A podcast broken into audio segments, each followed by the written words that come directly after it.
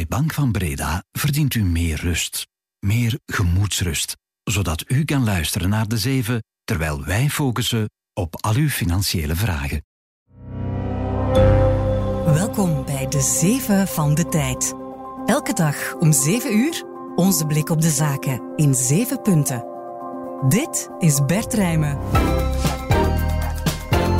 Goedemorgen, een nieuwe dag van boerenprotesten. Die beginnen de Belgische economie stilaan ook pijn te doen. Retail, transportindustrie.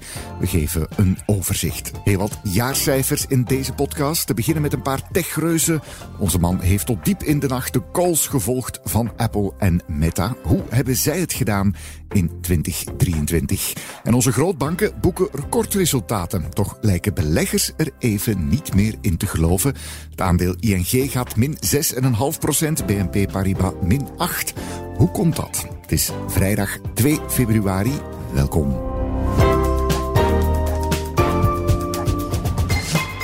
De zeven van de tijd. 1. En ik denk dat we hier in ons land de voorbije dagen getoond hebben dat we luisterbereid zijn en dat we ook bereid zijn om maatregelen te nemen. Premier De Croo heeft gisteren gesproken met de protesterende boeren in het kielzog van de Europese top. De boeren hebben de Europese wet bezet. De boeren vinden dat er stilaan zoveel regels bij komen en zoveel inkomsten opdrogen dat hun werk onhoudbaar wordt. Naast de Croo spraken ze gisteren ook Europese Commissievoorzitter von der Leyen en vandaag gaan ze nog naar de Vlaamse regering. Maar het lijkt voorlopig weinig uit te halen. De verschillende landbouwsyndicaten zeggen dat ze verder gaan met hun acties. Ze willen eerst tastbare resultaten. Uh, voorlopig uh, heb ik uh, weinig geloof nog in de regering. Ze, ze, beloven heel veel, ze zeggen heel veel, maar het gevoel is dat er niet, niet naar ons geluisterd wordt. Over vijf dagen gaan we nog altijd op straat staan. We zijn heel boos. Dit is dus geen eindpunt van de acties? Nee, nee. Daarvoor zit de woede, trauma, dat zit te diep. Het gaat dus nog wel even door. Wegen, havens, distributiecentra, industriehubs. Ze blijven dus allemaal geblokkeerd en sinds vanmorgen ook verschillende grensovergangen. Begint dat stilaan niet te wegen op onze economie? Goedemorgen, Bas Kusjes. Goedemorgen Bert. Collega van de ondernemerredactie hier bij de Tijd. Bas, jij hebt gewerkt aan een overzicht. Laten we eens beginnen met een ja, sleuteldoelwit van de boeren, de supermarkten. Wat is daar de balans? Je zag donderdag al dat er een aantal uh, geblokkeerd werden. Het waren er een zestal grote supermarktketens als uh, Colruyt, uh, Delhaize en Lidl. Maar uit de uitlatingen van de boeren op donderdagavond kon je wel heel duidelijk afleiden dat het daar niet bij blijft. Uh, die distributiecentra van de supermarkten zullen de komende dagen ook nog verder speerpunt van de acties blijven. En ja, dat ga je uh, vrij snel merken ook in de supermarkten. Mm -hmm. Zeker als het gaat om de snel bederfbare groenten, de, ver, de verse groenten en fruit. Die worden altijd op heel korte termijn uh, naar de supermarkten geleverd. Dus als dat niet gebeurt, ja, dan zie je heel snel al gaten vallen in de schappen. Dan gaat het de supermarkten echt pijn beginnen doen. Sinds eergisteren, Bas, blokkeren tractoren ook de haven van Zeebrugge. Dat zal inmiddels ook wel een stevige impact hebben. En dat kun je inderdaad wel zeggen. In en rond Zeebrugge is het een ja, halve chaos van allerlei vrachtwagens die niet kunnen vertrekken, maar ook niet aankomen. Uh, dat gaat ondertussen om meer dan 2000 vrachtwagens. Je ziet ook dat ondertussen het provinciaal rampenplan daar is afgekondigd om die uh, chauffeurs van eten en drinken te voorzien. En reders die besluiten ondertussen om de haven van Zeebrugge links te laten liggen. Die zeggen van ja, wij kunnen onze vracht hier niet kwijt. We kunnen ook niks ophalen. Mm -hmm. En zo heeft dus een Luxemburgse reder ondertussen al beslist om Zeebrugge voorbij te varen en door te varen naar het uh, Nederlandse Rotterdam. Dat duurt daar dus ook best niet te lang meer. De industrie dan, Bas? Ja, ook daar uh, begint het zo langzamerhand wel pijn te doen. Je zag dat donderdag in Gent de staalvestiging van ArcelorMittal eerst gedeeltelijk werd geblokkeerd. Daar kon de shiftwissel uiteindelijk nog wel plaatsvinden via uh, zij-in- en uitgangen. Mm -hmm. Een soortgelijke situatie, uh, maar iets minder, dreigt bij Volvo Cars, ook in Gent. Hè, de, de fabriek waar uh, de Volvo XC40 wordt gemaakt. Daar zijn ze enorm afhankelijk van just-in-time levering van allerlei onderdelen. Die komen ook niet allemaal op tijd binnen. En dat betekent dat de productie daar in ieder geval uh, gedeeltelijk stil ligt sinds uh, de nachtsploeg van donderdagavond. Dat zijn toch ook al concrete gevolgen allemaal. Dankjewel voor het overzicht, Bas Kusjes. Met heel veel plezier, Bert. 2. Energieleverancier Mega biedt voortaan ook gsm-abonnementen aan. Het is de eerste Belgische speler die zich aan die combinatie waagt. Maar is dat ook voordeliger voor de klant? Mega lanceert drie bel- en databundels. Op termijn is het de bedoeling dat de telecompot even belangrijk wordt als de energiepot, zegt Mega-CEO Thomas Koenen. Het is een zelden geziene combinatie, omdat het gaat om twee heel verschillende industrieën. Maar Mega gelooft dat het schaal- en synergievoordelen kan opleveren. Medewerkers kunnen op beide domeinen worden ingezet en klanten van de energie kunnen makkelijker naar de telecom worden gelokt. Makes sense. Maar is het echt beter voor de klant? Dat valt nog af te wachten. Voorlopig zijn de tarieven niet de allergoedkoopste. En in het verleden heeft zowel de Vlaamse als de federale energieregulator al gewaarschuwd dat zelfs een combo van elektriciteit en gas bij dezelfde leverancier niet per se goedkoper is. De Thomas More Hogeschool gaat voor bepaalde lessen samenwerken met farmareus Janssen. Het is een opmerkelijk en vooralsnog ongezien soort partnerschap in ons land. Janssen gaat materiaal, maar ook leerkrachten en leerinhoud aanbieden. Kan een win-win zijn, maar het roept ook vragen op. Janssen Pharmaceutica mag de inhoud van de bewuste lessen bepalen. In ruil biedt het leerkrachten aan, cursussen, didactisch materiaal, laboratoria en echte bedrijfsopdrachten. Het gaat dan om studenten biomedische laboratoriumtechnologie of chemie, maar bijvoorbeeld ook IT of bedrijfsmanagement. Janssen investeert daar een zekere duit in, maar wil niet zeggen hoeveel. Het is hen vooral om de potentiële maatgemaakte werkkrachten te doen in de War for Talent. Thomas More benadrukt dat ze de eindverantwoordelijkheid behouden over het curriculum en het diploma. Tijd voor een bedrijfsresultatenblokje in deze de zeven. En we beginnen met Big Tech. Die bombardeert ons deze week met resultaten. En vannacht was het in dat opzicht een topper. Laten we eens kijken naar wat Apple en Meta van Instagram, Facebook en WhatsApp voor cijfers hebben gegeven. Goedemorgen, Laurent Legrand. Goedemorgen, Bert. Ja, laten we beginnen met Meta van Mark Zuckerberg. Roland, hoe waren hun resultaten? Ja, met de Meta-platforms was het wel vuurwerk. Het eh, bedrijf heeft een indrukwekkend vierde kwartaal achter de rug. De inkomsten stegen 25% naar ruim 40 miljard dollar. Mm Beter dan verwacht. Ook de winst kwam hoger uit. En het lopende kwartaal dat is ook al sterk bezig. De aandeelhouders profiteren daarmee van. Voor de allereerste keer wordt een dividend uitgekeerd en er komen bijkomende aandelen inkopen voor 50 miljard dollar. En dat allemaal ondanks het feit dat voor virtual en augmented reality, de metaverse dus, als ook voor AI, miljarden dollars worden uitgegeven. Nu, de verkoop trouwens van de Quest headset voor virtual reality doet het beter dan verwacht, maar uiteraard drijft Meta vooral op advertentieinkomsten. En ook op dat vlak was het een bijzonder goed kwartaal.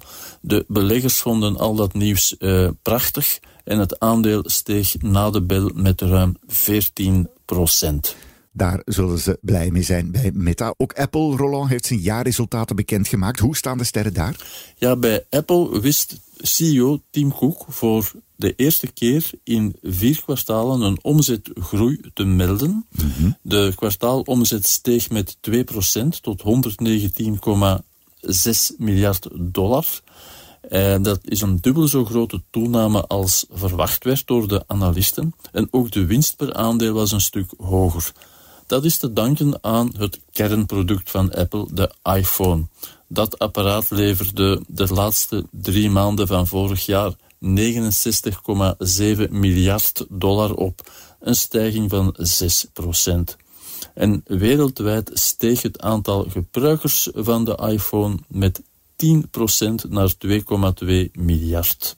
Mm -hmm. En toch, toch ging het aandeel 3 procent lager na beurs. En dat komt omdat Apple onder druk staat op de cruciale Chinese markt. Daar kromp de iPhone-verkoop met zo'n 5%.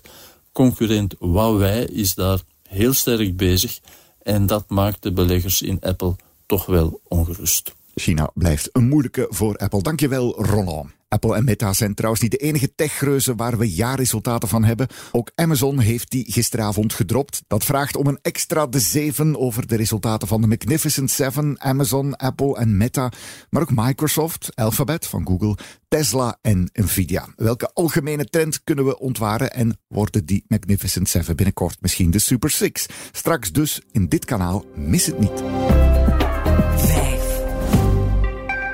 Tech hebben we gehad. Tijd om nu even uit te zoomen op de resultaten van de banken.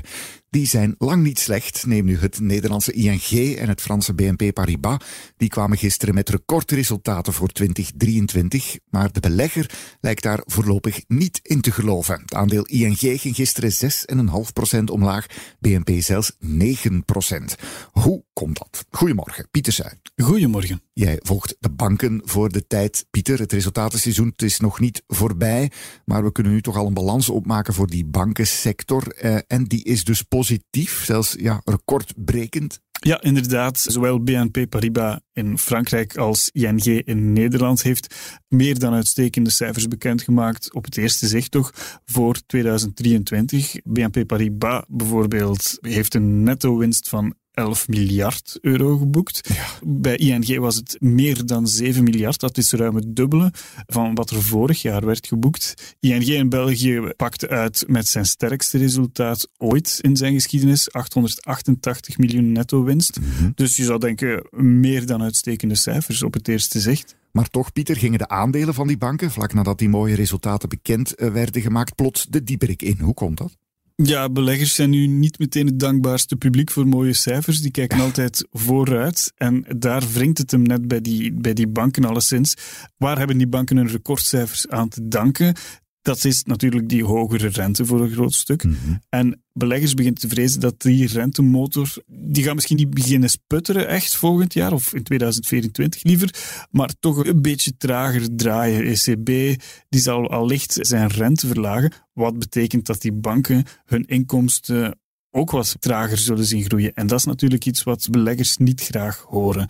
ING heeft dat eigenlijk met zoveel woorden gezegd in zijn vooruitzichten. Bij BNP Paribas was het dan nog een beetje anders. Die heeft zijn winstdoelstellingen voor de lange termijn, die heeft een plan tot 2025, die heeft die doelstellingen wat verlaagd. En ze verwees daar, de bank verwees daarbij expliciet naar het effect van de Belgische staatsbon en de bankentaxen in ons land ook. Oké, de beleggers duwen de banken een beetje de dieperik in, Pieter. Is het toon daarmee gezet nu voor de rest van het resultatenseizoen? Waar kunnen we ons nog aan verwachten? Ik denk zeker voor Belgische beleggers is de volgende afspraak volgende week donderdag. Dan komt KBC met zijn jaarcijfers naar buiten. En dan iets later in maart komen ook Belfius en BNP Paribas Fortis naar buiten. BNP Paribas heeft van gisteren dan wel zijn cijfers bekendgemaakt, maar de Belgische dochter die geeft die cijfers nog iets meer in detail vrij. Dankjewel, Pieter. Graag gedaan. 6. Dan nog even vooruitblikken op resultaten waar we vandaag nog naar uitkijken. Die komen uit nog een belangrijke sector, naast de banken en de tech, de oliereuzen. En het is niet de vraag of die minder winst maken, maar hoeveel minder. Zowel ExxonMobil als Chevron presenteren vandaag hun jaarresultaten. De twee Amerikaanse oil majors zijn dat. Bij Exxon verwachten analisten een omzetdaling van 11% en een terugval van de winst per aandeel van 35%. Bij Chevron wordt dat respectievelijk min 9 en min 22%. Tijdperk van de gigawinsten in de olieindustrie is voorbij. Het zijn nog maar megawinsten, zou je kunnen zeggen. Aandeelhouders hoeven zich geen grote zorgen te maken. De dividenden blijven royaal. Kijk maar naar Shell. Dat presenteerde gisteren zijn jaarcijfers met dalende winsten en omzet, maar wel een hoger dividend, plus 20% Misschien doen Chevron en Exxon straks wel hetzelfde. Nu hun toekomst door duurzamer beleid onzeker wordt, is het trend bij oliereuzen om minder cash te investeren en meer terug te laten vloeien naar de aandeelhouders. 7. Over een geluk bij een ongeluk gesproken. De Russische effecten die bevroren staan bij effectenreus Euroclear, met hoofdkantoor hier in Brussel, leveren de Belgische staat een recordbedrag op. Het gaat om meer dan een miljard euro op één jaar tijd. Euroclear is de schakel tussen de uitgever van een effect en de koper. Sinds de inval in Oekraïne staan heel veel effecten van Russische gesanctioneerden bevroren bij Euroclear. Die mag ze niet dumpen of doorstorten naar Rusland, enkel in bewaring houden. Maar intussen brengen die effecten wel op. Denk maar aan dividenden op aandelen of rentes op cash. Die komt van uitbetaalde obligaties. En met die inkomsten mag Euroclear wel aan de slag. Het gaat om 4,4 miljard euro. Die belegt Euroclear zelf slim. En op hun winsten betalen ze natuurlijk taksen aan gastland België.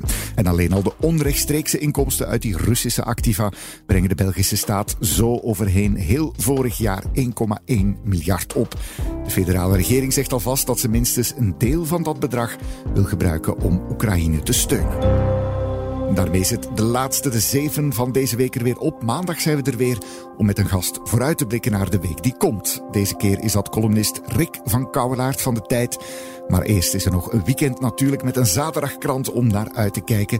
De chef weekend weet al wat daarin zal staan. Goedemorgen, Sophie van Lommel. Goedemorgen Bart. Wij kijken deze week naar uh, Neuralink. Het bedrijf van Elon Musk plantte een hersenimplantaat in bij een mens voor het eerst. Wekt dit hoop voor mensen die kampen met verlamming? We kijken ook eens naar Peppa Pig. Het vrolijke biggetje wordt 20. Het is eigenlijk een billion dollar brand. Hoe hebben ze dat gebouwd? En Conor Rousseau is terug, bitches. Hij is nu namelijk consultant, maar wat heeft hij eigenlijk te vertellen? Kopen dus die krant morgen of lezen op tijd.be of in de app. Houd dit kanaal ook in de gaten straks dus voor die extra aflevering over de Magnificent Seven. Wat mij betreft alvast een fijn weekend en tot maandag. Dit was De Zeven. Met Bert Rijmen. Productie door Roan van Eyck. Van op de redactie van De Tijd. Bedankt om te luisteren. Straks zijn we er weer. Tot dan.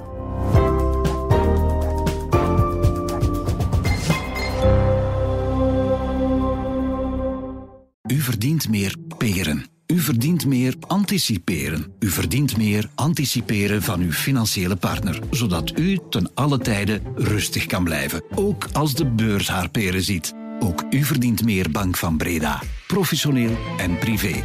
Bank van Breda. Enkel voor ondernemers en vrije beroepen.